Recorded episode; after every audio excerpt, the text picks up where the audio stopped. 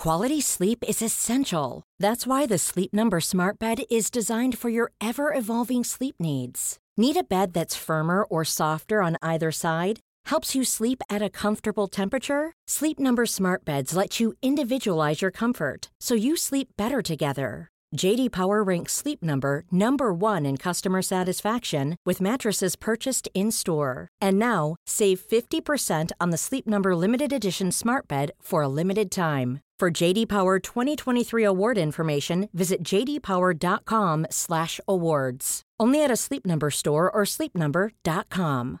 Here's a cool fact a crocodile can't stick out its tongue. Another cool fact you can get short term health insurance for a month or just under a year in some states. United Healthcare short term insurance plans are designed for people who are between jobs, coming off their parents' plan, or turning a side hustle into a full time gig. Underwritten by Golden Rule Insurance Company, they offer flexible, budget friendly coverage with access to a nationwide network of doctors and hospitals. Get more cool facts about United Healthcare short term plans at uh1.com. Many of us have those stubborn pounds that seem impossible to lose, no matter how good we eat or how hard we work out. My solution is PlushCare.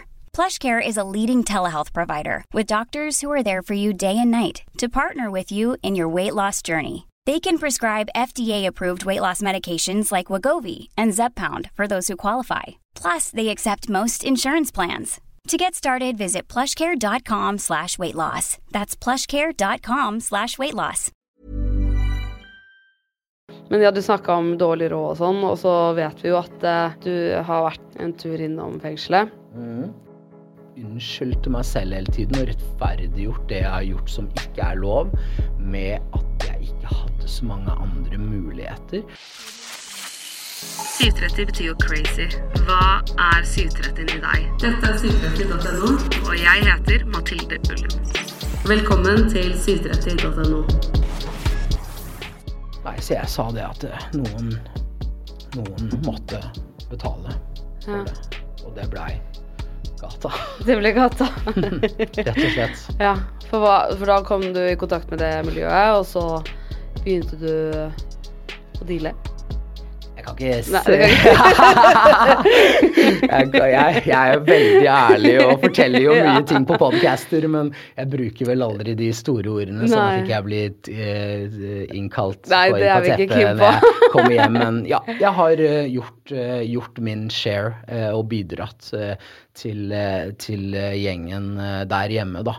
Så det begynte veldig smått å gjøre litt sånn småting og sånn, så, så det var jo eh, så var egentlig Alt var jo low-key og fint, og sånn, så det var litt det når jeg faktisk begynte å publisere musikken min, og politiet så et par covere med pistoler og Porscher og veldig mye kontanter og sånn, så var det jo da. Men, men det som var morsomt da, ingen brydde seg om meg i de årene, så jeg bare levde low-key og fint. Men når jeg begynt å poste musikk igjen, jeg begynte å få litt oppmerksomhet. Politiet i Sandnes sa at de hadde fått evig mye meldinger inn på meg. Så da begynte folk å bry seg igjen. Når jeg begynte å poste ting, og folk så jeg hadde fine klær, da begynte folk å bry seg igjen. De hadde ikke brydd seg de forrige årene, men da begynte de å bry seg. Så da fikk jeg, jeg ble rapportert så mye til politiet, så første gang de kom hjem til meg, så var det fem-seks politimenn med skjold og maskingevær, altså MP5-er, stormet inn en eh, morgen mens jeg lå og sov, da. Skreik til meg når jeg lå i senga og 'Å, få se hendene dine', og bla, bla, bla. Så da hadde de eh, Jeg hadde blitt rapportert så mye om denne Jeg, jeg satt i en Porsche med en eh, replika, er det det det heter, av en Glock. Um, så da trodde de at det var ekte våpen, da. Men de kunne jo, jeg veit ikke, ringt meg eller kommet og banket på døra. Men det kom en hel army inn, da. Midt på natten? Nei, det var på morgenen faktisk. Jeg lå og sov, så jeg ble vekka til at jeg hørte liksom at døra gikk Og Da så Politiet alltid skriker jo 'Det er politiet!' Selv om de ligger og sover, så roper de jo fem mann i munnen på hverandre. Og jeg var jo ikke våken engang. Jeg skjønte jo hvorfor de var der. Nei, så når de var der, da, så fant de litt sånn småting, da. Litt marihuana og bare sånne småting, da. Så, men da begynte de å holde øye med meg, da. Så de tok lappen min i Norge, så mister du lappen. Det er mange ungdommer som ikke vet det. Hvis du har marihuana i kroppen, så tar de fra deg lappen. Og det er ganske sånn Ja, du kan drikke så mye du vil bare du blåser null. Røyker du marihuana en gang iblant, tar det i kroppen, så tar de lappen din. Så da var det litt sånn Å, jeg kjørte jo, ikke sant. Jeg kjøpte meg crosser og kjørte en del uten lappen og sånne ting, da. Så andre gangen jeg ble tatt, sto de bare på døra plutselig en søndag og skulle inn og prate, og så klarte de å lure seg. Politiet følger ikke alltid loven, de heller, vet du. Så de gjør litt sånn ransakinger så de egentlig ikke har lov til og sånn. Jeg var så ny med politiet at jeg kunne ikke alle rettighetene mine og sånn, så de lurte meg litt andre gangen de var der inne, og igjen fant litt ting som gjorde at de fulgte mer med på meg. Så det var jo siste gangen jeg ble tatt som ble fengselsstraff. Da prøvde jeg å kjøre fra dem i sentrum, og de kom hjem med hunder og fant en del mengder og sånn, litt større mengder med ting og sånn. Så det var da det Da fikk jeg fengsel. Da hadde jeg blitt tatt tre ganger ganger på ett år. Så, men det var jo igjen da når jeg begynte å publisere musikken, så skulle igjen folk prøve å ødelegge for meg. Så, men da var jeg liksom Ja, da var jeg blitt eh, litt smart på veien. Jeg hadde Jeg klarte aldri å Ja, hva skal man si? Jeg var heldig som bare fikk to måneder. Det, jeg skulle vel Ja, hva er vi? 2023? Skulle vi kanskje sitte inne enda. Så så det var Nei, jeg var Jeg, jeg var Ja, hadde Jeg var smart og gjorde ting riktig, da. Så det var eh, manglende beviser for mye rart. Ja. Så Men når man holder på sånn, burde man ikke egentlig være litt low-key? Og ikke kjøpe så mye dyre klær og ikke la folk skjønne jo da, jo at det kommer inn mye penger Absolut, utenfra? Absolutt. Jeg kaller det for Pablo Escobar-feberen. Når Ja. du blir eh, Ja, jeg hadde jo aldri hatt noe penger og sånt, så, så man får den Pablo Escobar-feberen, som jeg kaller det for. Og det er den jeg man må være forsiktig med. Får du den Pablo Escobar-feberen, så, så går det ja, da blir det litt sånn Du blir litt høy på, på, på deg selv, på en måte, og du tror at du er eh, El Chapo. Eh, noe jeg trodde en liten stund at jeg var. Ja, man får sånn rar eh, følelse, og det er ikke bra, for da, da får man eh, da, ja, da får man hit, da. Så, men de har latt meg være i fred nå. Den perioden der hvor det var mye tull og sånn. Du veit, de kjørte forbi huset mitt hver natt og sto og kikka med kikkerter og Jeg begynte å filme dem, og jeg brukte alt dette som promo. Jeg digga jo når de kjørte Eller jeg, jeg kan si jeg digga når de kjørte ut, for, ut forbi huset mitt, men når drill-prosjektet mitt slapp, da, så, så filmet jeg det mye og postet på Snapchat og gjorde de tingene der. Og da sluttet de å kjøre rundt huset mitt om natten og sånn. Så, eh, så det var eh, Det var litt morsomt, da.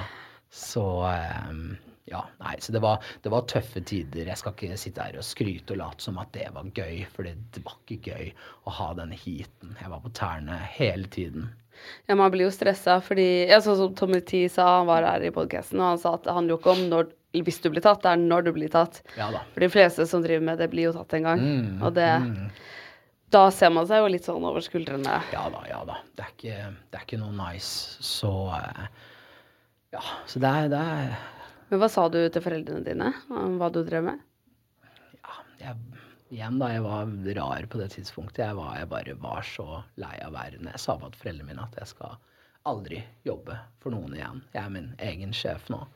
Så jeg får til og med presisert å si en gang når foreldrene mine satt i greien, så sa jeg at eh, jeg, jeg er gangster. Det er det jeg er. Jeg skal være det resten av livet. Det er dette jeg skal gjøre.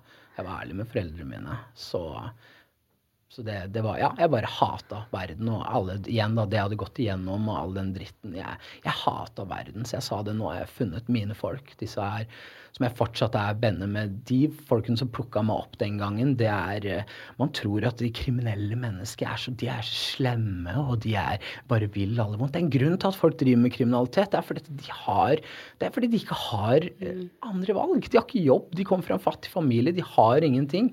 Så, så det er det som er litt greia, da. Det er så sykt mange snille mennesker som virkelig tok vare på meg, som var glad i meg. Folk som jeg fortsatt er med. Folk som sa for fire år siden at Kevin, du skriver så jævlig bra. Du skal steder. De hadde alltid troen på meg, mens alle de som bare var der når man var på Paradise, de så man jo aldri noe til igjen. Så, så de ga meg ekte kjærlighet og ga meg på en måte Jeg følte at jeg fant hjem, da. At jeg fant mine. Og, og, og det Ja, det var det jeg trengte. Å finne noen folk som jeg bare følte meg hjemme med, og som backet meg, da. Ja, men det er vel det som gjør at mange søker det miljøet, fordi man får den tilhørigheten. Og, Ja, ja. At man blir sett, Mm. så man ikke blir andre steder. Men hva kunne du flytte Ja, du sa, du sa at du hadde flytta hjem til foreldrene dine? Eller moren din? Eller Nei, ja, eh, ja eh, jeg har eh, ja, bodd hos noe familie. Mm. Eh, ikke hos mamma, som de skriver på TikTok. Vi, vi bor ikke i samme by engang, så, så de Ja, rett og slett. Ja. Og nå Tilbake til andre det, det, det som er greia med Kevin fra andre etasje Jeg visste at folk kom til å ja, skulle ta meg på det med at eh, ja, han har flytta liksom faren sin eller besteforeldrene eller hvor enn jeg bor. Jeg pleier ikke å presisere helt det. Jeg visste at folk kom til å disse meg for det, så jeg var jo tilbake i etasjen som jeg kom fra, som jeg bodde før jeg flyttet til Stavanger, og da ble det liksom Kevin fra andre etasje. Det var politiet som ga meg navnet, fordi de har kun lov å ransøke der du bor. Så når de kom inn, da, så første gang de var der, så var det liksom Da kom de opp i andre etasje, og de nevnte andre etasje flere ganger, og det var bare det stedet de kunne søke, så da var det andre etasje, og jeg er fra den etasjen. Det er der jeg er oppvokst, så jeg bare Kevin fra andre etasje. Det var sånne ting som folk bare Jeg vet ikke hvorfor, men folk syntes bare det greiene var jævlig lættis med Kevin Ja. fra andre etasje. Det var den første tingen som gikk viral, var at alle chatta om andre etasje. Jeg husker Så- godt, ja. ja, ja, Det, det, så så det, det er liksom historien bak andre etasje. Det var politiet som ga meg den ideen. Så da ble jeg liksom bare Kevin fra andre etasje. Du kan takke de, da, for at du... Shout-out til Sandnes lokale styrke, holdt jeg på å si. Men og så eh, skulle du inn i fengsel, og der er det jo litt hierarki og sånn i fengselet, men du, eh, du hadde jo masse clout. Du hadde jo gått superbra alt før du kom inn. Ja da, ja da. Jeg hadde jo det. Så når jeg kom inn, så syntes jeg det var litt skummelt. Jeg gikk inn i luftegården, og du ble fulgt inn av en, noen fengselsbetjenter. Så hørte jeg noen som ropte ned 'Kevin'. Og det var liksom sånn, Jeg merka at folk der inne visste hvem jeg var. Og det var jo også litt skummelt. Når du kommer inn i et fengsel, så vil du egentlig være Det er greit å være litt low-key der. Så at folk kunne navnet mitt og sånt der inne, det syns jeg var litt ekkelt også. Men, eh, men det var eh, ja, veldig mye hyggelige mennesker der også. Igjen, jeg var på lav sikkerhet, så det var ja, mye folk som sitter på skatt og vold og Fyllekjøring, sikkert. Fyllekjøring og, og sånne ting som det, da. Så jeg veit ikke om det går an å sone bøter lenger, men det var vel kanskje noen som bare sona bøter og sånn. Tror de har fjernet det, faktisk.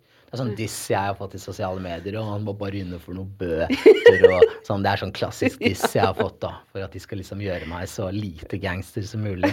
Eh, men eh, nei, så jeg var ikke for noen bøter. Men jeg tror det var noen andre som var der for bøter. Men det, jeg tror ikke man kan sone bøtene sine lenger. Det tror jeg de har fjernet, faktisk. Jeg har ikke gått til noen psykolog eller noe, så jeg, kanskje derfor også jeg er veldig ærlig og liker å snakke om jeg, liker, jeg tror egentlig jeg syns det er litt deilig å snakke om disse tingene. Ja. Men det er nok litt fordi ja, jeg har liksom vennene mine, så man prater jo med de. Men det er litt deilig også bare fortelle hvordan det er, og også folk fra utsiden kan sette seg litt inn i det. Ja, nok for det er jo mange. et helt annen verden.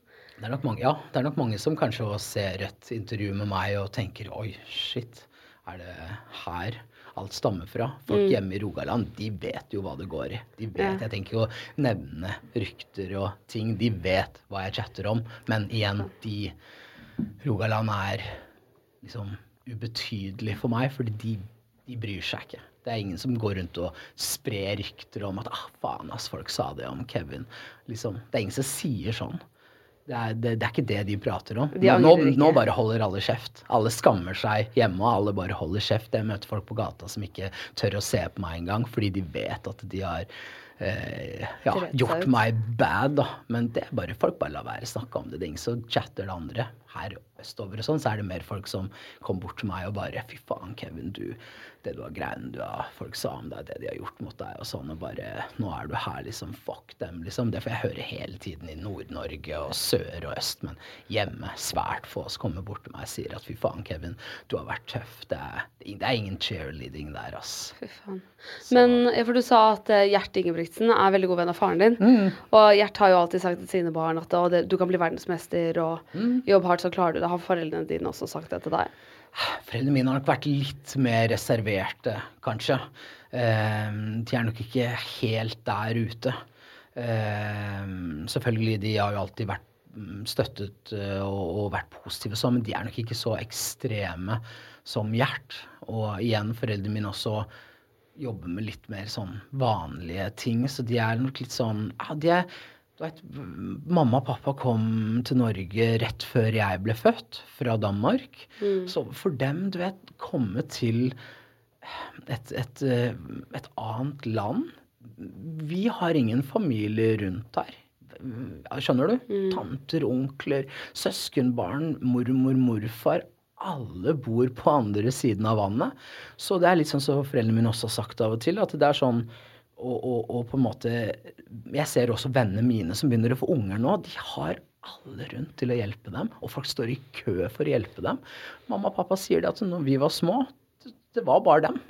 De kunne ikke levere oss til mormor og morfar som bor syv-åtte timer eh, å reise til. Skjønner du? Du må ta eh, båt eller fly over et eh, hav. ikke sant? Så de, de er sånn, jeg tror også det er kanskje de er litt mer laid back, ja, fordi de har oppdratt eh, tre unger, eller nå er vi jo fem totalt, da, siden mamma og stefaren min fikk eh, to kids for 18 år siden. Eh, så så er, de er litt, nok litt mer reserverte av det. De har hatt nok å gjøre med oss. Jeg har sykt stor respekt for det.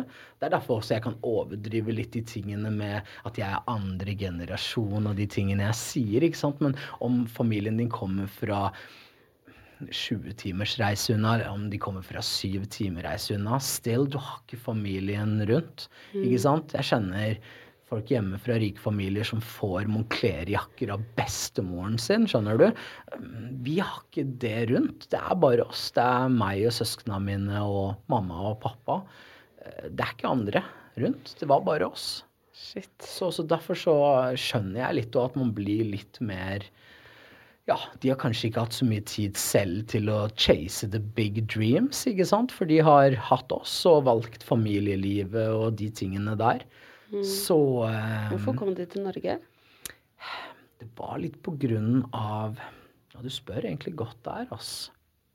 Mamma er fra Oslo og flyttet til Danmark som 16-åring fordi moren hennes, mormoren min, er dansk. Kom til Norge, møtte morfar, fikk mamma og onkelen min på den siden, og de flyttet tilbake til Danmark. Og så møtte mamma. Mamma er jo halvt dansk. Derfor jeg er 75, mamma er halvt dansk. Og pappa er 100% dansk. Så pappa og mamma møttes i Danmark. Og så flyttet de sammen tilbake til Norge igjen. Så, så om det var mamma som pushet på Men de flyttet jo ikke til Oslo, de flyttet jo til vest i Norge. Så jeg, jeg veit liksom ikke egentlig hvorfor de flyttet til Norge, men pappa, startet, pappa har jo vært sin egen sjef hele tiden. Pappa driver inn forbi byggebransjen og har hatt sitt firma, Oi. eget firma hele tiden. Så, så han eh, Ja, han har jo vært sin egen sjef helt siden han kom fra Norge. Så jeg tror det var litt av noen venner av pappa som er i samme bransje, som også hadde flyttet til Norge fordi det var mye jobb og sånn på den tiden. Det er nok veldig mye jobb enda, eh, men, men på den tiden var det veldig mye jobb i Norge. Så jeg tror nok det var litt derfor, egentlig av jobb, at de reiste til Norge. Og ja. Pappa hadde også den gangen noen kompiser som hadde også vært i sånn litt feil miljø og sånt, som reiste til Norge og begynte å jobbe her og kom seg litt vekk. Danmark er litt hardere enn Norge. Sverige er hardest, så kommer Danmark, så kommer Norge. Ja, I hvert fall hiphop-miljøet. Der I hvert fall hiphop-miljøet. Og igjen da, så er det jo det er mye hardere kriminalitet i Danmark. Folk begynner å drikke når de er tolv år. Det er veldig mye sånn alkohol og er veldig sånn vanlige ting i Danmark. Pappa sier Pappa har alltid sagt at jeg er glad for at dere vokste opp i Norge og ikke Danmark, fordi Danmark er hardere på enkelte måter, da. Det er mer, mer rus og, og sånne ting. Så eh, ja, så det var vel egentlig litt det grunnen som var til at de reiste til Norge og bare ble der, da. Så eh, ja. Hvor er dialekten din? For du har jo vokst opp i Sandnes. Men Ja, ikke og, og, og de snakket østlandsk og dansk Ja. hjemme. Ehm, mamma og pappa snakker dansk til hverandre. Eh, og mamma snakker østlandsk til oss, og pappa snakker gebrokkent. Så det har han gjort i eh, hele livet mitt. Pappa har aldri lært å snakke skikkelig norsk. Jo da, han gjør det, men kompisene mine hører eh, Alle hører veldig godt da, at han har en sånn dansk-norsk. Eh, så, så pappa han har ingen dialekt, han snakker bare gebrokkent. Så, eh, så det er litt morsomt, da. Så, så der igjen også jeg kommer, ikke sant. Jeg sier jo det Kevin Lauren sier jo det, ikke sant, at han kommer fra et hjem hvor de snakker annet språk, og pappa snakker brokkent og sånn, men det er mye sånn Jeg overdriver jo veldig mye ting i prosjektet mitt, men så er det også Mener jeg det? Jeg husker når jeg var liten, så syns jeg liksom Når man er kid, ikke sant, og foreldrene dine kommer på skolen og sånn Alt er jo flaut når man er ti år gammel jente eller gutt. Alt er jo flaut, ikke sant.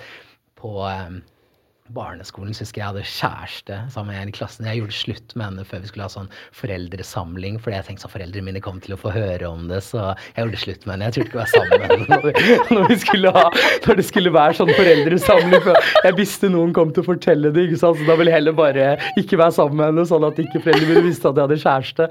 Så alt er flaut når man er liten, og jeg husker også det at jeg syns liksom ikke at jeg var flau over pappa, men jeg, jeg syns det var litt pinlig at han snakket gebrokkent og sånn. Så det er, det er mye sånne faktorer da som man kan kjenne seg igjen med med andre som har kommet eh, overseas, som jeg pleier å si. Det er mye av de samme faktorene, da, at du ikke har familie rundt deg, og at foreldrene dine snakker ikke brokkent, og at det er andre dialekter. ikke sant? Jeg ble litt mobbet på barneskolen fordi jeg snakket østlandsk. ikke sant? Det òg var en sånn ting, da. Jeg har ikke blitt så mye mobbet opp igjennom. Jeg var flink i fotball, så jeg overlevde alle skoleårene Ja, med jeg, Ja, jeg levde, jeg levde på det at jeg var eh, ja, topp tre på skolen i fotball, liksom. Men eh, jeg, jeg eh, Ja, det er litt de, de faktorene, faktorene der, da. At man har blitt litt mobbet for dialekten og litt sånne ting. Så eh, ja. Du har hatt, du har hatt det siden du var liten. Østlandsdialekt. Ja. Alltid, alltid snakket sånn. Så kan ha noen ord og sånt her og der som jeg har liksom hjemmefra. Når du er oppvokst i Sandnes, så har du noen sånne var det, Jeg tror kanskje det var at det var noen av kompisene mine her som ehm, kommenterte et eller annet ord jeg sier, om det kanskje var kjekt. At ting er kjekt. Jeg tror ikke de sier, sier det så mye i Oslo. Nei, det er veldig sånn Sandnes, Ja, det er, Å si at noe er kjekt, Kjekt. det er ikke så veldig brukt. Så er, jeg har noen sånne ord da, som Ja. henger som noen reagerer på av og til. Så sånne ord som ikke jeg tenker over, da. Ja. Så, Så du har vant til å høre, for da ja, så jeg er vant til å høre hjemme, så Ja. man adopterer jo litt ord og sånn. Så, eh, men ja, det er historien bak eh, dialekten min. Ja, ja. Jeg vokste opp i Kristiansand, og flyttet, så flytta jeg hit da jeg var fem. Og så hadde jeg først bodd litt i Oslo. Da hadde jeg liksom Oslo-dialekt, så sørlandsdialekt, og så tilbake til Oslo-dialekt. Ja, ok. Og det bare, altså, men jeg har også masse sånne rare ord som bare Ja, da henger det Ja. da. Og sørlandsdialekt og østlandsdialekt er jo ganske forskjellig. det, Moren min har sånn superutvaska sørlandsdialekt. Ok, ok. Og så var vi på legekontoret, og etternavnet hennes er jo tysk. Og så okay. hadde hun i resepsjonen vært sånn Ja, jeg må bare si at jeg syns du er veldig god i norsk. Og mamma bare Tusen takk. Tusen, tusen takk. Men er moren din tysk? Nei, hun er norsk. Ok. Det, men Faren din er tysk, eller? nei, det er bare sånn Hybert er sånn sørlandsetternavn, så bare Sikkert sånn 20 generasjoner siden. Ja, ja. Ja. Men uh, ja, det er bare alltid Så hun får høre det ofte, da. Ja, okay, er veldig god i norsk. Hun blir så sur. Hun er bare sånn Jeg er norsk. ja, det er sykt, da. Læreren min òg har vært sånn Ja, så du er fra Tyskland? Jeg bare nei. Jeg er helt Sykt, norsk. Sånn, Ja. sånn kan det bli, ass. Ja, sånn kan det bli. Herregud. Men eh, ja, du kaller det Prosjekt Lauren. Lauren, jeg klarer ikke å snakke. Prosjekt Lauren. Ja, ja. Jeg vet ikke om jeg kaller det et prosjekt, men igjen da, jeg har hatt noen musikkprosjekter tidligere. Det var liksom en periode hvor jeg trodde jeg skulle lage russemusikk og synge Ja. som med autotune. Så jeg laga en del sånn litt mer popmusikk som eh, ja, fant ikke helt veien til hvor jeg var, da. Så det er derfor jeg kaller det for et prosjekt. Jeg har hatt noen andre prosjekter som er mer den gamle siden av meg, og noe jeg trodde og noe jeg prøvde å være som jeg ikke var. Så det er liksom de tidligere prosjektene, så derfor kaller jeg det for et prosjekt. Jeg det er ikke et prosjekt. Jeg er der jeg er og Ja. skal være for alltid. Si. Ja, man får jo liksom faser i livet. Det var den fasen, nå er det denne, eller dette. Selv om man ikke vet om det blir en fase eller for alltid. Men Ja, det er jo liksom sånn, nå er det dette som skjer. Mm, Nå er det der. Jeg skjønner litt hvorfor du 100%. kaller det det. Men ja, du snakka litt om gjengmiljøet i Sverige og Danmark og sånn. Mm. Kunne du tenke deg og Eller hva tror du er verst? Sandnes eller uh, gjengmiljøet i Sverige? eller Stockholm. Nei, ja, nei Sverige, det har blitt crazy, ass. Ja. Men jeg bare Jeg hører veldig mye på dansk musikk, dansk hiphop. Jeg hører veldig lite på svensk. Gjorde det en del når jeg var typ sånn 14-15-16. Når jeg hørte på Klovner i kamp og Pen jakke og Apollo den tiden der. Eh, svensk har jeg falt litt bort ifra, for jeg syns det svenske greiene det, det, det er jo veldig stor fokus på vold, også sånn UK drill og sånne ting. Det er veldig Det er jo violent uh, talk, ikke sant? Men Sverige for meg føles litt sånn det, det er det det går Det er volden det går i. Jeg klarer ikke helt å respektere ja, de er helt grusomme mot ja, hverandre. Når de, eh, sånn som det med Einar og sånn, at han ble drept og sånn. Helt, Først kidnappet og voldtatt, helt, og så helt unødvendig. Jævlig unødvendig. Mm. Så, så de tilstandene der nede er bare sånn Jeg skjønner de er mange, det er stor kamp om plassen, det er mange som driver kriminalitet, så skjer det noen mister noe greier, skylder masse penger, så raner de en annen gjeng sitt lager, og Mm. da blir det krig, ikke sant? Da blir det jo de interne gjengkrigene, men så jeg skal ikke sitte og uttale meg om for mye om det svenske miljøet, men jeg syns bare det virker som at det går veldig mye i vold, og de dreper hverandre for den minste ting. Ehm, så det ja, Jeg har ikke helt klart å bakke med den siden der, egentlig.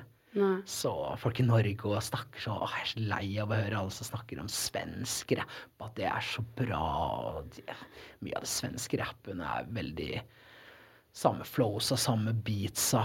Ah, jeg sitter jeg disser Sverige her. Det blir sikkert eh, kommer sikkert noen svensker over til Oslo og tar meg, så jeg skal ikke si for mye. Men ah, den svenske rappen er litt hype up, spør du meg. ass. Alle snakker om hvor mye bedre det er. Men det er jo ingen som hører på den gode rappen som kommer fra Norge. Det er så mye bra musikk i Oslo. Utover, ut, rundt, omkring i bydelene. Jeg hører selv på artister i Oslo som har 10 000 monthly listeners. Som har så jævlig bra rappmusikk. Og ikke minst afrobeats, de som synger, de R&B-sangerne som er fra noen av områdene her. De er så jævlig flinke, og de har 7000 månedlige lyttere. Så folk kan ikke si at Sverige har så sykt mye bedre hiphopmusikk enn oss. Fordi folk her, de har jo ikke hørt om de karene. Jeg spør, nevner av og til et par navn. Har du hørt om han eller han Ja. eller han? Noen som jeg hører på daglig på Spotify. Ah, nei, de har ikke hørt om dem. Da er det ikke noe rart at dere sier at den svenske musikken er så jævlig mye bedre, for dere har jo ikke hørt den norske hiphop-musikken eller R&B-musikken. Dere har hørt Hvem? eh, russerapp på, på topplistene. Dere har jo ikke hørt den skikkelige hiphop-musikken. Så derfor er jeg også jævlig øh, Jeg gjør jo en del popmusikk nå, og legger rapp på popting. Og derfor er jeg veldig opptatt av at det ikke skal være noe halvveis greier. Jeg har jeg leverer et vers på en låt, så skal jeg være fornøyd med det verset. Det skal være bra rapp, det skal være bra bars. Jeg selger ikke ut og, og bare skriver masse tull. Jeg skal ha skikkelig bars i låtene mine. Jobba med noen artister som har ah, Kevin, kan du ikke skrive litt mer, litt mer kommersiell? Kanskje, kanskje ikke så lurt å, å, å si det og det og sånn og sånn. Men jeg bare jo, jeg skal si det og det hvis jeg skal være med på denne låten. Jeg skal ikke skrive noe mange i dag skriver jo for TikTok. Ja, dette kan passe bra inn på Ja, ja. Nei, det, jeg skriver ikke musikken min for TikTok. Absolutt ikke. Many of us have those stubborn pounds that seem impossible to lose, no matter how good we eat or how hard we work out. My solution is PlushCare. PlushCare is a leading telehealth provider with doctors who are there for you day and night to partner with you in your weight loss journey. They can prescribe FDA-approved weight loss medications like Wagovi and Zepbound for those who qualify.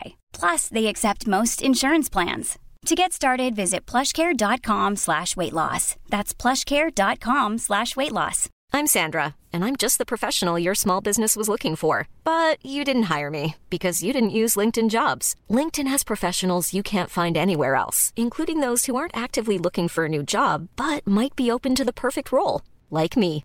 In a given month, over 70% of LinkedIn users don't visit other leading job sites. So if you're not looking on LinkedIn, you'll miss out on great candidates like Sandra. Start hiring professionals like a professional. Post your free job on linkedin.com/people today. Quality sleep is essential. That's why the Sleep Number Smart Bed is designed for your ever evolving sleep needs. Need a bed that's firmer or softer on either side? Helps you sleep at a comfortable temperature? Sleep Number Smart Beds let you individualize your comfort so you sleep better together. JD Power ranks Sleep Number number 1 in customer satisfaction with mattresses purchased in-store. And now, save 50% on the Sleep Number limited edition Smart Bed for a limited time. For JD Power 2023 award information, visit jdpower.com/awards. Only at a Sleep Number store or sleepnumber.com. Men hvem syns du er de beste rapperne i Norge? De beste rapperne i Norge? Åh, det er sånn vanskelig spørsmål. Jeg liker litt den eldre generasjonen, egentlig. Madcon er jævlig bra. Vinny fra Paperboys er jævlig bra. Jeg hører de gamle Paperboys-albumene om og om igjen, som ble sluppet for faen hvor lenge er det siden? 20 år siden? Nei da, vet ikke når tid de kom, men i hvert fall når jeg var ungdom. I Vinny han er jævlig flink rapper når han rapper på engelsk. Når jeg hører de gamle albumene tenkte shit, han ga ut dette når jeg var ungdom selv. Og det er så jævlig høyt nivå på det. Så eh, ja, Jutsa i dag skulle De må bla litt tilbake i tiden Ja. og sjekke ut det som kom ut tidligere, for det er sinnssykt mye bra der. Men sånn personlig så hører jeg ikke sykt mye på norske kjente rappere. Jeg hører mest på dansk og UK. Alle de jeg likte i US, har liksom blitt drept. Jeg har endelig funnet, jeg har funnet mine, da. Jeg har alltid likt veldig godt den Sånn som 50 Cent har alltid vært sånn veldig, veldig Jeg har vært veldig fan av han. Eh, men så fant jeg på en måte Pop Smoke, som var sånn den nye 50 Cent, på en måte. Så jeg fant endelig en sånn US-artist som jeg virkelig, virkelig likte godt, og så ble jo han drept. Og det har skjedd med et par av de andre rapperne jeg har likt. Så det er liksom sånn er, Jeg hører mest UK og dansk, men nei, i Norge så Det er mange flinke rappere, men det er mer sånn Johnny Onkel P og Vinny og Madcon og de eh, gode gamle som jeg syns er eh, veldig, veldig grove, fordi de har mye bra rim. De er flinke til å skrive. Mange nye rappere som tekstene deres skal sies også at T-section er veldig flinke. De er vel de av de nye. Av sånne som ikke er gamle, som er nye, så er det vel T-section jeg har hørt mest på. Glemmer sikkert også mange nå i farten. Det er ikke alltid så lett å huske, huske alt sånn i farten. Det er sikkert noen fete jeg glemmer, men i nyere tid så er det nok T-section jeg har hørt mest på. Jeg, jeg må ikke glemme Sisko har jeg også hørt veldig mye på. Så det, men ja, det er mye rapper i Norge, samtidig som det ikke er så mye rapper i Norge. Hvis man ser på topplisten og sånn, så er det jo ikke dritmye uh, rappere. egentlig- Nei, det er, de får lite plass på topplistene. De, de gjør det, altså sånne Mm. rene rapplåter og sånn. Det er hvis man gjør noe rapp og noe popgreier Ja, og sånn sånn. som Tyrtoven og så, men nå, nå er de liksom òg da Det er mange flinke, sånn Tyr. Han Mm. er jævlig skarp med pennen og flink rapper. Ehm, så han er også veldig bra. Han Rambo som har dukket opp nå, han er også flink. Det er mange flinke folk rundt omkring. Jeg er bare litt sånn Jeg veit ikke. Jeg hører veldig mye på artister som jeg er sånn Det må være litt eh, Heter det sen sentimentalt? At det, det må være jeg, Mm. Du må føle blir- det, at det veldig- koster noe. Ja, jeg blir veldig Mm. inne i historien til folk. Så det er liksom de favorittartistene mine, de, de kan jeg liksom alt om. Så norsk rap har bare Jeg har hørt så mye på UK-musikk de siste årene at jeg ramla litt da jeg var mindre. Jeg, jeg, jeg møtte Apollo. Jeg var i utdrikningslaget hans da han skulle gifte seg. Det var jo veldig mye rundt det bryllupet der Ja. og sånn. Så jeg fikk være to timer med han i utdrikningslaget, og vi satt og snakket om alt fra gamle dager han var helt mindblown over hvordan jeg bare kunne alle produsentene og hvem som hadde gjort ditt og datt. Yeah. Ingenting at jeg bare kunne alle disse tingene. Så før kunne jeg alt om det norske rap-gamet, men jeg ramla veldig ut av det. Så jeg hører veldig lite på norsk rap, selv om det er mye bra. Jeg hører mer på de underground-folka. Veldig glad i R&B og sånn, så jeg digger de som også synger og sånn igjen, da, som T-section og en som heter Prims, som akkurat slapp en EP, som også er jævlig bra. Han synger norsk R&B, synger på norsk. Han er helt rå. Så jeg hører mer på sånne ting. Jeg hører ikke så mye på de som har poppet, egentlig. Den listen blir alltid forskjellig for alle jeg spør. De på den tiden og da med Warlocks og Ja. alle, alle disse, da. Så de òg må jo nevnes. Nei, det er Ja, det var første hiphop-krigen, det der. Ja, det var litt derfor også at jeg fant ut, og det var det som inspirerte meg også litt med å begynne å rappe igjen, var fordi at jeg så at alt det som var på Warlocks-tiden, så føler jeg egentlig norsk rap gikk litt ned. Etter det? Ja, det har blitt litt Ja. Etter alle de store, Klovner i Kampenia, Pen, Warlocks, hele den gjengen der, så ble norsk rap dårligere i veldig mange år. Så jeg var liksom begynt å skrive litt rap igjen og bare så det at shit, liksom nivået har liksom ikke kommet seg. Da, norsk rap er nesten dårligere enn noensinne. Nå begynner det å blomstre litt igjen, men, men jeg fant ut at oi, her har jeg et sterkt kort, fordi jeg visste at jeg kunne skrive bars, jeg visste at jeg kan rime. Så eh, det er det som er min sterke side, er at jeg kan rime, at jeg rimer masse. Hører du US-låter, UK-låter, rapperne rimer på annethvert ord. Skjønner du? De rimer så mye, og de rimer to ganger på slutten av setningen, og rimer plutselig starten av neste setning med slutten på det andre. Det er derfor det flower så bra. Det er det mange norske rappere som ikke forstår. Jeg hører sånn rapp som er sånn så, så har de fire linjer hvor de ikke rimer engang. Og det, bare, det er ikke godt nok. Det funker ikke. Og det var rapperne i Norge også flinke til før. Så det er det jeg mener. De har ikke skjønt, den nye generasjonen, at hvis man skal skrive rapp, så må det Det låter, det flower bra hvis det er de rette ordlydene. Du kan nødvendigvis ikke ende en setning på kake. Du må si smil. Skjønner du? Det er for ordlydene er helt Mm. Ja, den- forskjellige på kake Ja. og smil. Og det er noen bare Jeg føler av og til når jeg hører rapp, så hører jeg at de har feil ord på slutten. Ja. Nei, du skulle ikke sagt det. Du må si et ord som enten er lengre, eller som har en annen ordlyd. Noen ord er runde, noen er skarpe. skarpe. Jeg skriver Når jeg begynner å skrive rap, så gjør jeg bare noe sånn freestyler jeg bare noe for å finne flowen, og så sier jeg bare masse ord som ikke finnes engang, bare for å finne den hva slags ordlyd det skal være på det, og da får du den flowen på det, at det låter bra. Så rappmusikk er ikke bare å Se mange nye rappere de skriver en tekst, og så finner de en fet beat, og så rapper de den teksten over beaten. Og det går ikke an, med mindre den beaten faktisk passer perfekt. Du kan ikke skrive et rappvers og gjøre det på en random beat, fordi det er ikke sånn det fungerer. Beaten velger flowen. Eller lager du ofte sanger? Ja, hele tiden. Ja. Det er det jeg liker best, å være hjemme i studio. Så sånn når det har vært travle uker og bare vært promo og konserter, og ah, når jeg først får komme hjem og være to uker i studio, det er det beste. Det er det eneste jeg savner med korona og trenches-tidene, var at jeg satt i studio hver dag. Hver eneste dag. I korona satt jeg i studio hver dag. Hele, hele korona. Det var bare det og ja, de andre tingene som måtte gjøres. Jeg savner, det er det eneste jeg savner med de tidene, er at det var mye tid til å lage musikk. Når man kommer opp, det skjønner ikke alle, at når man kommer opp i musikk, så er det plutselig ikke like, tid, like mye tid til å lage musikk. Da er det noen perioder hvor du ikke har tid til å være i studio. Er ikke det litt sånn djevelens ironi? At da skal du jobbe mer med musikk, men du får mindre tid til det? Ja, det er, det er, litt, det er litt, litt ironisk, egentlig, at man får mindre tid til å lage musikk. Ti konserter på én måned. Og da er det sånn, da er det plutselig mye konserter og mye fokus på det. Når man er hjemme i ukedagene, så får man jo laget musikk og sånn, men så er det hverdagslige ting også som skal gjøres. Man vil prøve å møte familie og venner, og ting tar tid når du er mye på farten, er mye vekke. Så de få dagene du er hjemme, da har man også litt man skal gjøre. Helt fra vanlige ting til regnskap og betale regninger og støvsuge og vaske badet, skjønner du. Det er liksom alle de tingene som skal gjøres. Men Jeg kan ikke se for meg deg stå og støvsuge og vaske badet. jeg er en racer på vasking og støvsuging. Hjemme hos meg i andre etasje, det er helt clean. Det er ikke støv der. Alle klærne henger presis.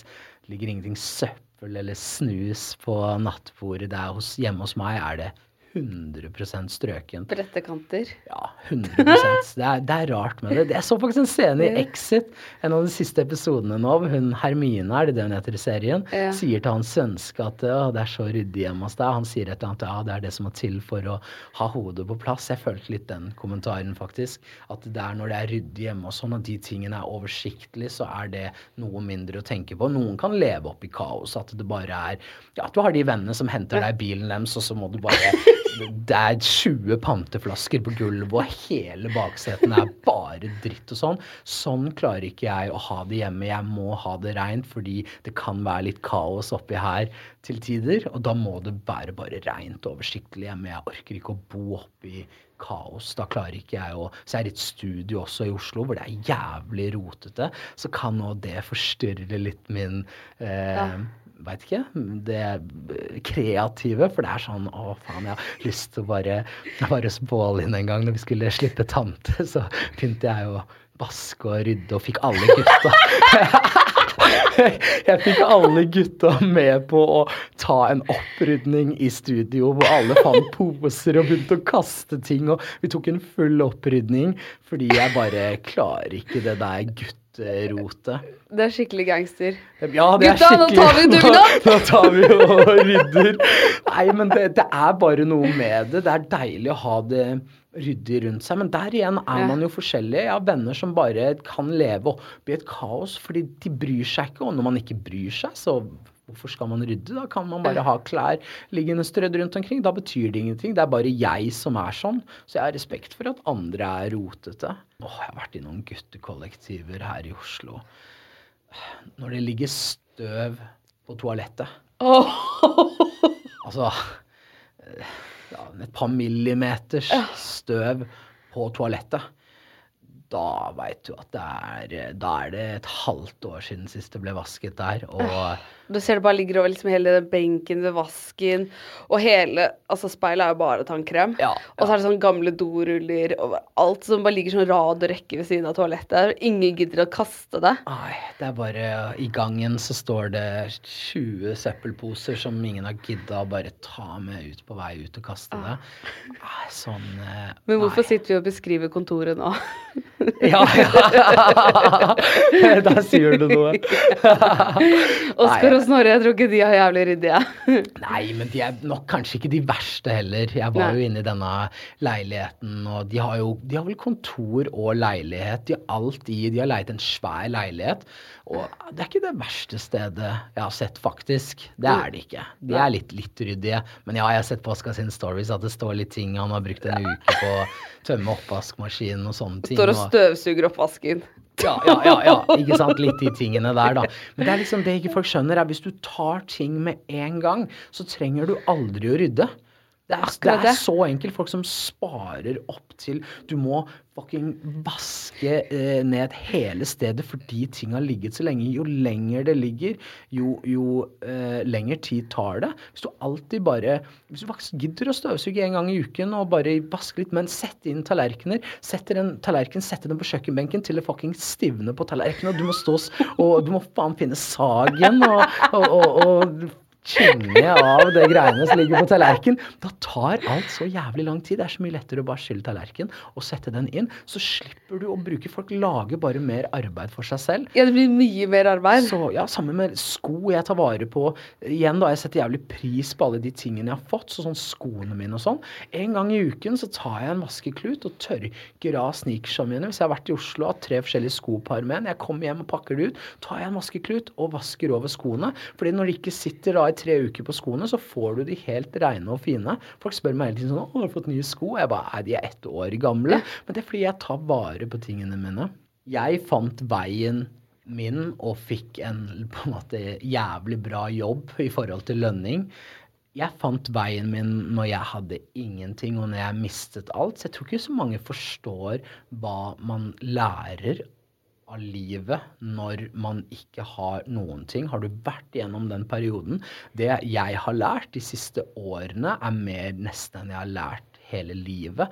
Fordi jeg bare skjønte verden. Jeg publiserte det første Kevin Lauren-prosjektet. Nesten den første videoen jeg la ut, begynte allerede der å gå viral. Jeg brukte tre måneder på at hele Norge skulle vite hvem jeg var. Hvordan gjorde jeg det? Jo, jeg, jeg skjønte bare Norge. Jeg, fatta bare hele greien. All det vonde og alt det gode. Jeg tok det sammen og bare så hvordan på en måte landet fungerer, hvordan folk fungerer, så var det Jeg vil si det var easy å komme opp hit. Jeg har brukt mange år på å komme opp hit, så det har ikke vært easy. Men når jeg først fant det ut, så vil jeg beskrive det som kjempelett. Kjempelett. å komme opp i Norge, når, når du forstår. Men det må man jo også ha en viss intelligens, da. Mange tror nok at jeg er dum, men eh, jeg er ikke så dum som jeg ser ut som. Nei, nei. Herregud. Men er det ikke mange av de som har gjort det stort, som ofte får et sånt stempel på seg? Jo, det er nok, eh, det er nok fort det. Og vi ser masse norske influensere også som igjen da har visse imager og sånn. Jeg syns bare det er litt dumt at de ja, liksom At de igjen da i Norge er så lei av at alle imagene skal gå ut på at ting skal være kontroversielt rundt dop og sex og alle disse tingene her. Folk spiller på det samme, folk spiller seg dumme og sånne ting. Det er bare sånn Jeg er lei av de imagene. Det er så, det er så brukt opp alt det greiene. Det er det samme gamle om og om igjen, og det går bare i klær og status og ting som koster mye penger. Jeg jeg er så lei av det greiene. Igjen da, jeg har liksom min helt egen ting og er stolt av at ikke jeg er en av de som gjør det på en måte presset på unge. For jeg skaper et image hvor det er greit og at ting At man har fucka opp, ikke sant. Jeg er ærlig om ting. Jeg kunne, ikke, jeg kunne latt være å fortelle om fengsel og de tingene jeg har vært igjennom. ikke sant. I Norge er det nesten sikkert tabu. Noen syns ikke jeg er helt vilt at jeg sitter og snakker om at jeg har vært i fengsel, men hvorfor skal man ikke snakke om det? Hva er greia med det? Livet kan gå til helvete. Det kan du gjøre for alle. Og det kan òg være for de som er født rike og har det fint. De også kan også miste alt. Nei, faren min har sittet inne tre ganger. Og det fikk jeg Jeg eh, tror han sa det da jeg var sånn syv år. Oi. Og da hadde jeg vært sånn sett på pappa som den kuleste fyren i verden og alt sammen, og så bare fengsel. Men det var jo Men så skjønner man jo etter hvert at det er det jo mange andre som også har gjort, og det, Ja. det kan skje.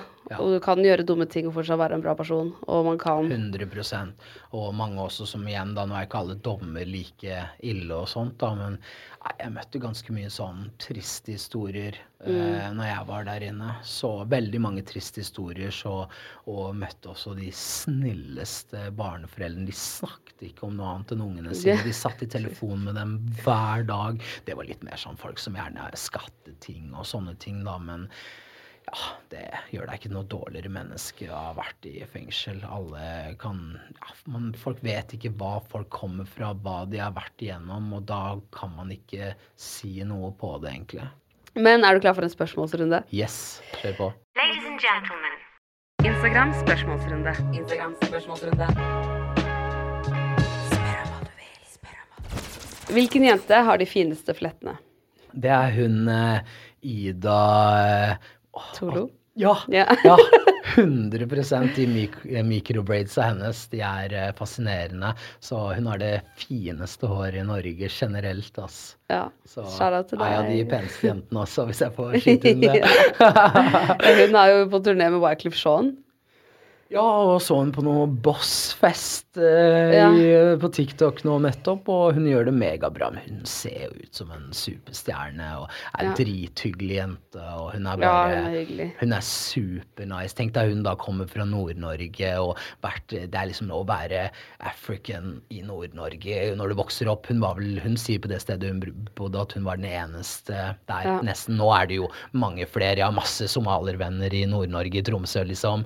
Men, Men det har eh, ikke alltid vært mange der. det har nok eh, vært eh, tøft. Eh, Hun har nok vært igjennom sitt, hun også. Og det skaper igjen da sterke mennesker. Det er de som slår igjennom. ja. Så ja, gud, det er det. Hvor lik er du Ola Halvorsen, egentlig? Ola Halvorsen, fy faen. Det har vært mye Det, det var det folk skrev når jeg kom opp. Eh, jeg veit ikke helt, jeg. For å være helt ærlig så har ikke jeg sett så veldig mye av Jeg har ikke sett Førstegangstjenesten. Det er sikkert kjempekontroversielt å, å si. Jeg er veldig fan av Herman Flesvig, men jeg har bare Jeg ser veldig lite TV og TV-programmer. Eh, så jeg har ikke fått med meg alt av det. Han Jævlig morsom karakter og sånt. Nei. Men eh, ja, jeg veit ikke, kanskje det er, det er litt sånn på grensen til litt sånn Han mener jo ikke å gjøre narr av noen og sånn, men eh, ja, det, det, er litt på grensa still, da. Ja. Så jeg veit ikke om jeg minner så mye om Ole Halvorsen, egentlig. Han, han, er, han er veldig ekstrem, da. Ja.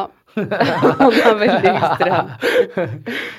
Dette har du jo snakket litt om, men føler du at folk flest har riktig oppfatning av hvem du er? Nei. Nei, kanskje ikke. Kanskje ikke. Men igjen, jeg er ny. Jeg har vært der i halvannet år. Jeg har ikke, jeg har ikke orka gjort så mye intervjuer og egentlig ikke sagt nei til alle TV-ting og sånn, forsto jeg på, på manageren min at eh, jeg, det, ikke, det kommer så mye tilbud inn hele tiden at det er ikke alltid jeg former meg heller. Men, men jeg har liksom ikke vært gira opp. Det er nå jeg har begynt å gjøre litt podcaster og sånne ting, så folk vil nok få en annen oppfatning av meg. Men det er nok veldig mange som har feil oppfatning av meg. Det vil jeg tro, ass. Ja. Eh, hvorfor sag? Hvorfor sa Ja, du mista jo den etter Spektrum. Ja, ja, jeg glemte den et Det er eller annet sted. i sted. Ja, jeg fikk den av Oskar Vestlien, reisesagen min, som jeg kaller den for. Fordi den er sånn liten og handy. Du kan ta den opp i sekken og sånne ting. Jeg vet ikke. Det, var- det starta på en live med David Mokel og Baalin, hvor det lå en sag der inne, og så dansa vi etter en eller annen sang vi skulle Jeg husker ikke helt hva promoen eh, Hva vi gjorde da, egentlig. Eller om det var når de slapp dans på Jo, det var kanskje når de slapp dans på bordet, så hadde vi litt livestreams og sånn. Så jeg fant en sag der inne. Det var ikke noen sånn fete kjøkkenkniver eller noe sånt, så jeg sto med en sag og sa et par ting. eh, ja, sa et mye morsomt om dette. Det gikk veldig viral med dette med sagen og sånn, så det var egentlig der det startet, egentlig. Med at jeg gjorde de tingene med den sagen. Og så ble det litt en, en ting, da. Ja. Så Ja, Det var så morsomt. jeg sa vel også det at jeg av og til ser ut som et byggefirma når jeg puller opp og sånn, for jeg har hammer og sager og, og sånne ting, så Nei, det ble mye bra vitser på den tiden rundt der, så det var litt der sagen startet. Ja. Så Ja, det er, ja, det er dritmorsomt. Var det ikke Johan Ikke Musikk som sa at uh, han hadde hørt rykter om at det er ikke så mye pistoler i Norge, men Kevin Lauren han har en machete. det er machete, machete det går i. Ja. Så ja da, det er litt macheter i Oslo. det er det. er ikke musikk ikke musikk? Um, og ikke musikk er musikk. Ja. Det er det 100 Og det verste av alt er at det han har gjort nå, er kanskje ja, uten, uten å si at det er dårlig, så er det noe av det dårligste han har. For han har jævlig mye bra musikk liggende. Mye som er skikkelig sånn Post Malone-vibes. Han har vist meg noen låter som er helt sånn Ja, jeg vil si at det Norge har sett av han nå, er kanskje nesten det dårligste han har laget. Uten at jeg sier at det er dårlig. Ja, ja. Det er bra, men han har Vi kan bare glede oss. Han, han har mye fetere ting enn det liggende. 100% så, eh, så ja, han Ikke musikk er musikk. Hvor i Oslo skulle du ønske at du var fra? Åh, shit. Vanskelig spørsmål, ass. Jeg er veldig glad i alt fra Tøyen til Stovner og Holmlia og alle de stedene der. Så det er vanskelig spørsmål, men i hvert fall fra øst, da. Jeg føler man kanskje lærer mer der igjen. Det jeg har lært fra The Struggle. Det er vel litt mer struggle på de stedene, så et av de stedene der. Hvor tror du at du kommer til å flytte nå? Til Oslo? Åh, jeg kommer til å bo veldig sentralt. Planen var å flytte til Drammen, for jeg ville bo litt utenfor Oslo. Eh, men så har jeg vel mer falt på det at det blir litt sånn Det er ikke, det er ikke lang reise fra Drammen, men alt skjer her inne av sånn studio sessions og alle ting. Så jeg bare fant ut av at jeg vil ha det sånn at jeg kan stikke ut i en studiosession og være en time og dra igjen og dra til et annet sted. At med en gang man bor en halvtime unna, så blir det litt mer tiltak å komme seg ut døra. Så jeg tror jeg kommer til å bo veldig sentralt i Oslo. Jeg kikka på noen leiligheter bak Slottet, Ja. faktisk.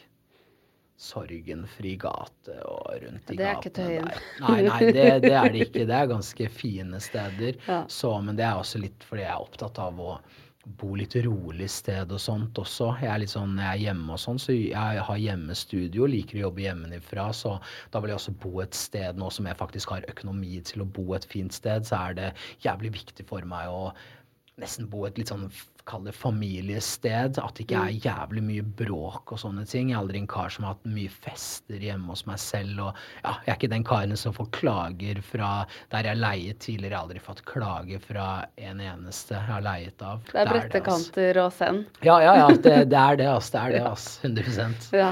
Kan ikke ha det hjemme og ute. Nei. Alt kaoset er ute, og når jeg er hjemme, så vil jeg jobbe musikk og ha det stille og rolig og ha lite folk rundt meg, egentlig. Hvor mange timer bruker du på flettene, og hvor ofte gjør du det? Jeg fletter meg så mye som én gang i måneden, faktisk. Eller av og til hver femte uke, men ca. en gang i måneden. Det er dyrt, da, er det ikke det? Jo da, jeg betaler 1500 kroner hver gang jeg fletter håret, og så går jeg til barber og tar fade eh, to ganger i måneden, så av og til tre hvis det er mye konserter og bilder og videoer og sånn, så ja, håret mitt koster gode 2000-2300 i måneden. Så Lauren sitt hår koster litt i løpet av et år. Ass. Jeg, det Jeg, fort 30 000 i året. jeg bruker fort 30 000 i året på håret mitt. Oi. Det gjør jeg. Så nå har jeg veldig små fletter, så dette tar fem timer. Um, ja, fire-fem timer, da. Så av og til når jeg har store bokser, så tar det Av og til kan det bare ta en god time. Hvis det er veldig store bokser, så jo mer fletter, og jo lenger, jo lengre tid tar det. Men det går litt tid og penger på det. Det er jævlig deilig å stå opp om morgenen og bare Jeg har hatt fletta nå i, i presis to år. har jeg hatt fletter. Så um, stå opp om morgenen og bare ta av duragen og bare være fin på håret. Det er så deilig. Ja, det var. Hvordan var det i fengsel, da? Med det på?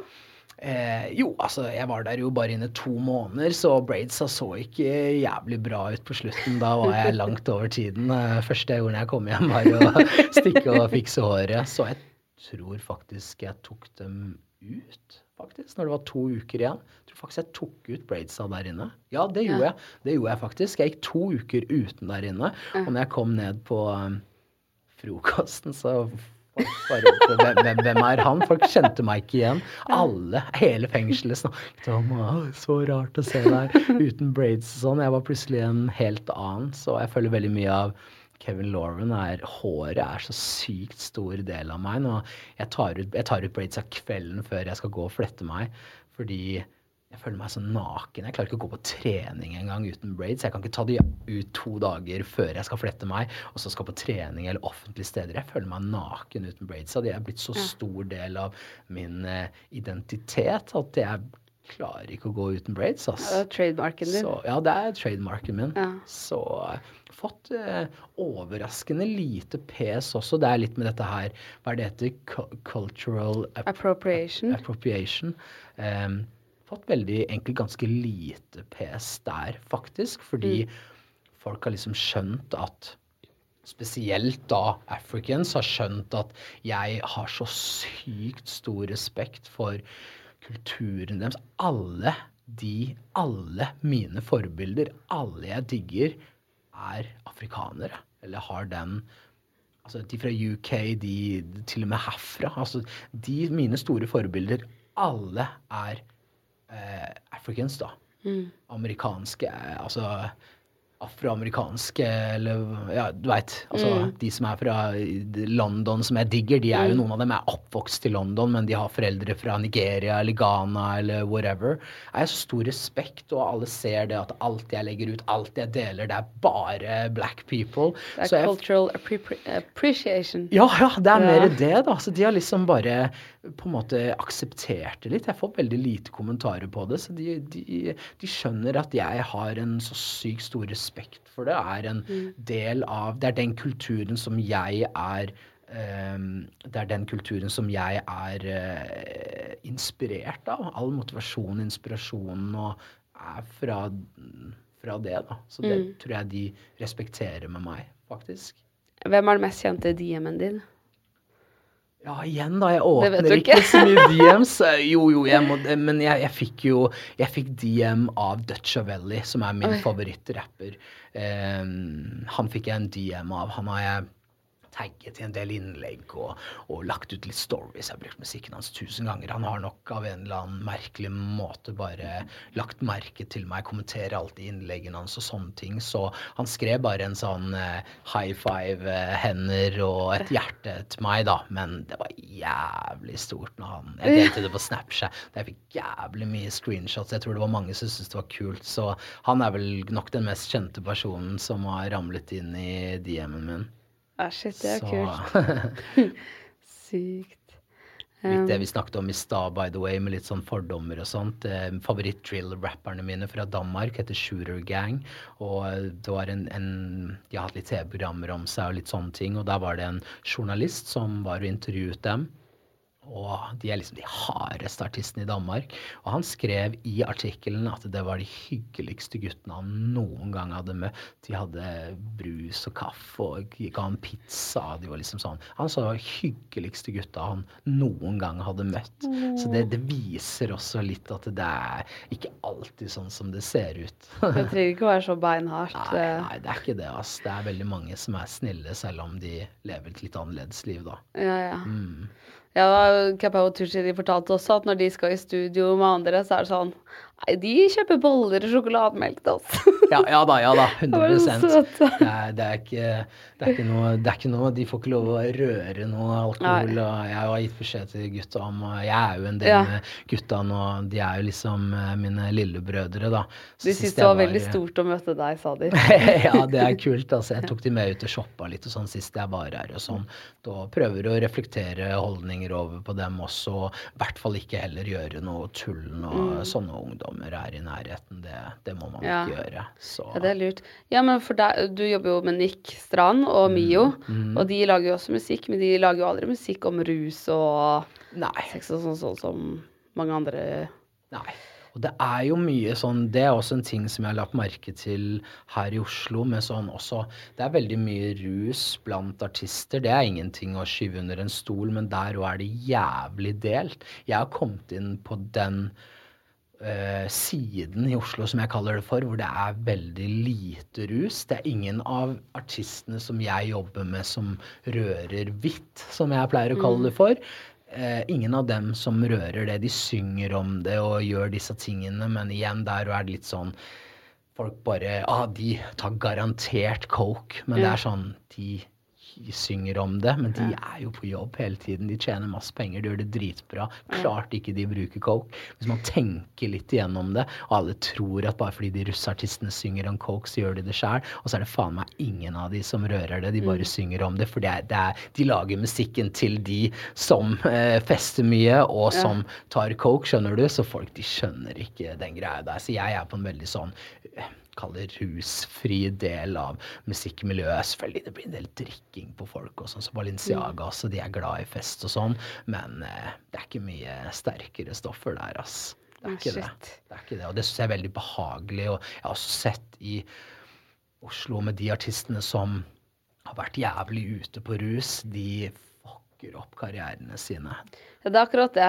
det de fucker opp så jævlig òg, og da det er, er det det er så mange av dem. Jeg har vært sånn, Nå er jo jeg ny her, så Mm. fra utsiden så har jeg liksom ikke skjønt hm, hvorfor kommer ikke han med noe særlig hits lenger, og hvorfor spiller ikke han så mye konserter? Hvorfor gjorde jeg 40 konserter i fjor, og han Mm. gjorde Han har vært i game i store i seks-syv år og gjør tre konserter i fjor, mens jeg gjør 40. Hvorfor er det sånn? Og når jeg har kommet inn i det og sett hva det går i, så eh, skjønner jeg tegninga. Mm. Man blir Og- jævlig lite produktiv på rus, og det ja, bare, og, ja, lite produktiv. Noen blir kanskje også veldig produktive av det. Men du går jo på en smell, da. Men, men, ja, man går på en smell. Du tømmer de naturlige lagrene for lykke og sånt, og så Mm. tar man jævlig mye dumme valg, og man fucker opp hotellrommet. Husk det når vi reiser rundt og sånn.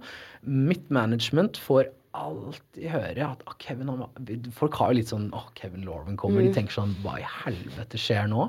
Så får bare managementet mitt tilbakemelding om at Kevin er den letteste artisten vi har jobbet med. Det er aldri noe tull på hotellene. Det er alt Folk vil Du jobber med andre. Når du er på et event, så representerer du den gruppen som du kommer fra. Jeg representerer Tjuvgods når jeg er ute og reiser, og jeg har ikke kommet opp hit og blitt tatt inn av så store gutter for å så gjøre dritt på navnet deres. Der er jeg veldig opptatt av at jeg representerer Tjuvgods når jeg er ute og reiser, og det, da skal ting være på stell, så jeg aldri fucka opp et event, blitt for, for full eller ødelagt et hotellrom. Sånne ting som det. Aldri. Fordi jeg representerer gutter som har vært i gamet mye lenger enn meg, og som jeg har stor respekt for.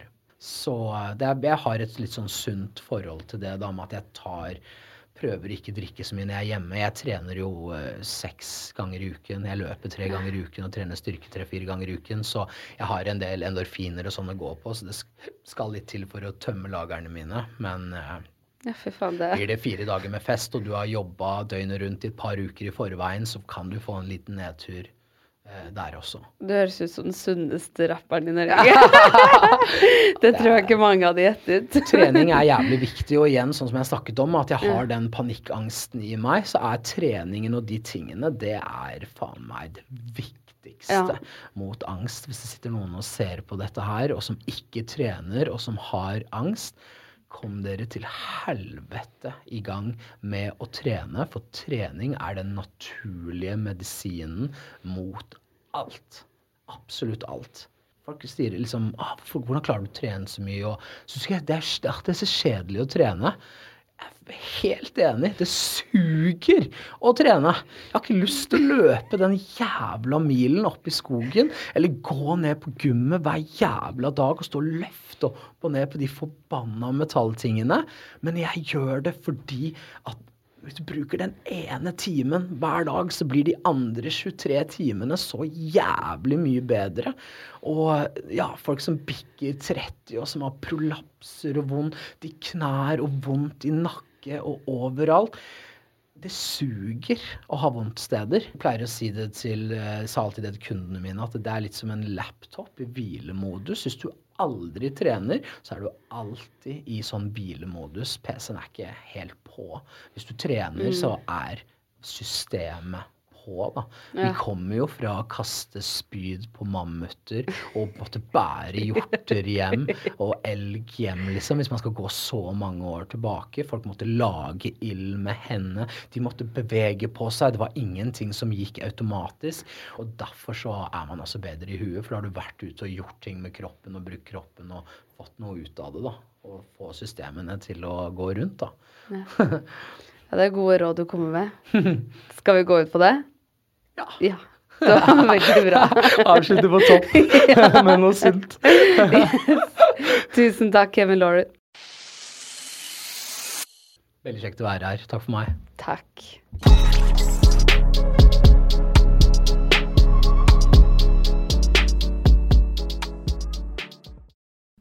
Tusen takk for at du hører på 730-podden. Hvis du har lyst til å være veldig kul, så er det bare å legge igjen fem stjerner. Og da blir jeg veldig glad, fordi det er jeg som lager alt til denne podden. Og jeg trenger masse gode stjerneanbefalinger for å kunne be sjefen min om litt høyere lønn. Så det hadde vært veldig fint. Jeg slipper nye episoder hver eneste tirsdag. Og hvis du ikke har hørt alle ennå, så er det bare å spole tilbake i biblioteket. Og trykker du på følg, så kommer alle de nye episodene rett inn i spilleren sekundet de blir sluppet. Send meg gjerne en DM hvis det er noen du har veldig lyst til å ha som gjest. Og husk at vi alltid poster spørsmålsrunder på Instagram Story, så da kan du få med spørsmålet ditt i neste episode hvis du vil det. Ha det bra!